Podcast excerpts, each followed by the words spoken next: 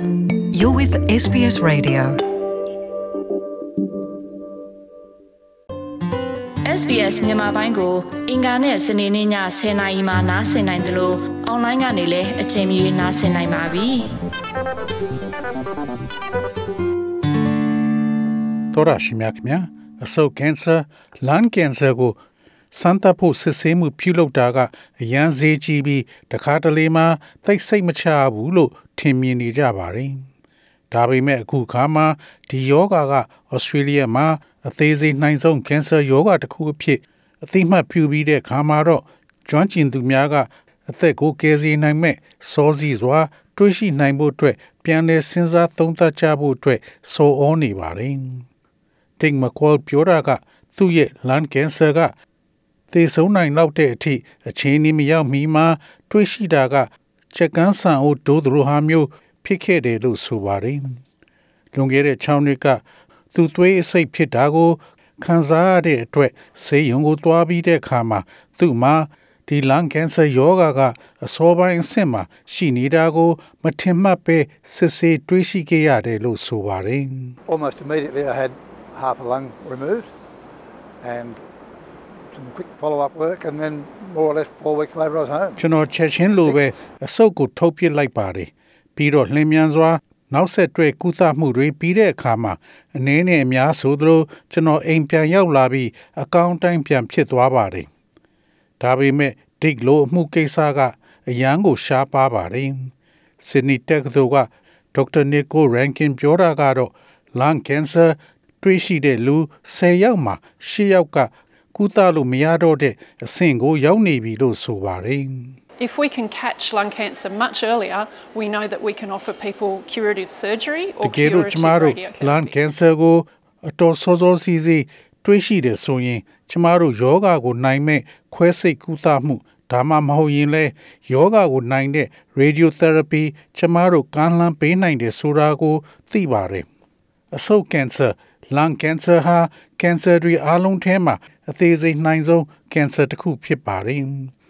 ဒီနေ့ကို Australian လေးတန်ကိုသေဆုံးစေခဲ့တာသို့မဟုတ်ဒီနေ့မှာလူ25ယောက်သေဆုံးတာဒါကဒုတိယအသေးဆုံးကင်ဆာဖြစ်တဲ့ဥမကင်ဆာဘာဝကင်ဆာထက်သေစေနိုင်တဲ့နှုန်းက60ရာခိုင်နှုန်းကျော်ပိုများပြားနေပါတယ် လန်ကင်ဆာဖြစ်တာရဲ့အဓိကနဲ့အကြီးမားဆုံးအချက်ကတော့ဆေးလိပ်တောက်တာဖြစ်ပြီးဒါကယောဂဖြစ်တဲ့အမျိုးသားတွေအားလုံးရဲ့90ရာခိုင်နှုန်းနဲ့အမျိုးသမီးတွေအတွက်65ရာခိုင်နှုန်းဖြစ်တယ်လို့ဆိုပါတယ်ဒီယောဂဖြစ်ဖို့မြင်မာတဲ့ဘေးအန္တရာယ်ရှိတဲ့လူတွေမှာစောစည်းစွာ ရှားဖွေတွေးရှိဖို့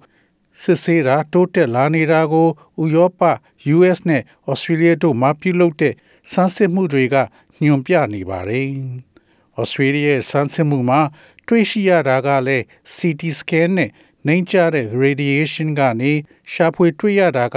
lung cancer ကြောင့်သေဆုံးတဲ့နှုန်းကို20ရာခိုင်နှုန်းထိရှော့ချနိုင်တယ်လို့ဆိုပါတယ်။ဒါပေမဲ့ Cancer Council က Karen Canfield ပြောတာကတော့သူသေသနာတွေလုပ်ဖို့အများကြီးလိုနေသေးတယ်လို့သူမကဆိုပါတယ်။ There's great excitement, there is building evidence, but we still need to do that Australian focused research to make sure that we အဲဒီ roll it မှာ out တွေ့ရှိတာကကြီးမားတဲ့လှုပ်ရှားစရာပါအဲဒီမှာသက်သေအထောက်အထားတွေစောက်လုပ်ထားတာရှိနေပါတယ်ဒါပေမဲ့ကျမတို့ Australian တွေကိုအာယုံစိုက်ထားတဲ့သူတေသနာဆက်လုပ်ဖို့လိုအပ်ပါတယ်ဒါမှသာဒီအစီအစဉ်ကို ကျမတို့ထုတ်ယူလာတဲ့အခါမှာသက်ရောက်မှုရှိဖို့သေချာအောင်တွေ့ပါ ဒီလိုဆန်းစစ်မှု ပြုလုပ်ဖို့အတွက်ကကမ္ဘာအနှံ့မှာ ဖြစ်ဖို့ကအတော်လိုနေသေးပါတယ်။လွန်ခဲ့တဲ့၄နှစ်တုန်းကသုံးသပ်ခဲ့တဲ့ Federal အစိုးရကော်မတီရဲ့အကြံပေးချက်အစိတ်ပိုင်းတွေမှာဒါကိုစန့်ကျင်ထားပါတယ်။သူတို့ထောက်ပြတာကကုန်ကြစည်အတွက်စိုးရိမ်တာနဲ့ဒီစစ်ဆေးမှုကဘလောက်မှန်ကန်လဲဆိုတဲ့အပေါ်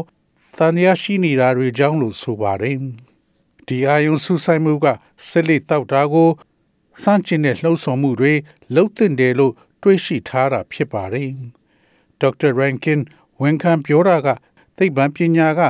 အဲ့ဒီနေရာကိုမရောက်သေးဘူးဆိုတာဖြစ်ပေမဲ့ရည်မှန်းချက်ကကာကွယ်ဖို့နဲ့စောစီစွာတွေးရှိဖို့နှစ်ခုလုံးအတွက်ဖြစ်သင့်တယ်လို့ပြောဆိုပါတယ်။ Absolutely, because they're targeting different populations.